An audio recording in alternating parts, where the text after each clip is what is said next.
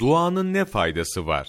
Allahu Teala'nın kaza ve kaderini değiştirecek hiçbir kuvvet olmadığına göre duanın ne faydası var diye sorulursa bilmiş ol ki dua ile belanın reddi de ilahi kaza kapsamındadır.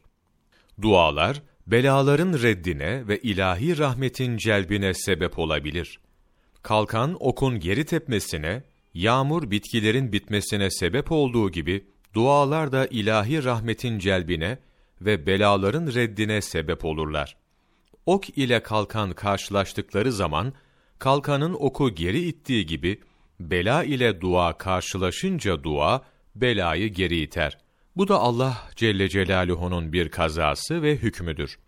Allahu Teala'nın kazasına rıza, sebebe müracaat etmeye mani değildir.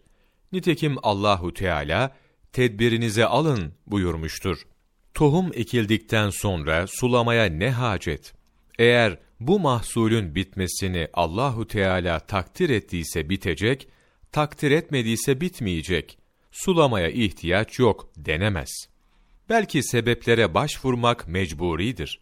Asıl kaza, esbabı yani sebepleri müsebbebata yani neticelere bağlamaktır. Hayrı takdir eden, onu bir sebebe bağlamış, şerri takdir eden de onu def etmek için sebepler hazırlamıştır. Aklı başında olan kimse, bu bapta tenakuz olmadığını kolayca kavrar.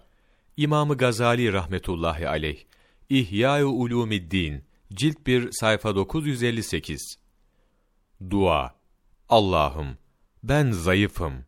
Zaafımı senin rızan yolunda kuvvetlendir. Nasiyemden tutarak beni hayra sevk eyle. İslam'ı rızamın en son noktası kıl. Allah'ım, ben zayıfım. Beni kuvvetlendir. Zelilim, beni izzet sahibi kıl. Ben muhtacım, beni rızıklandır.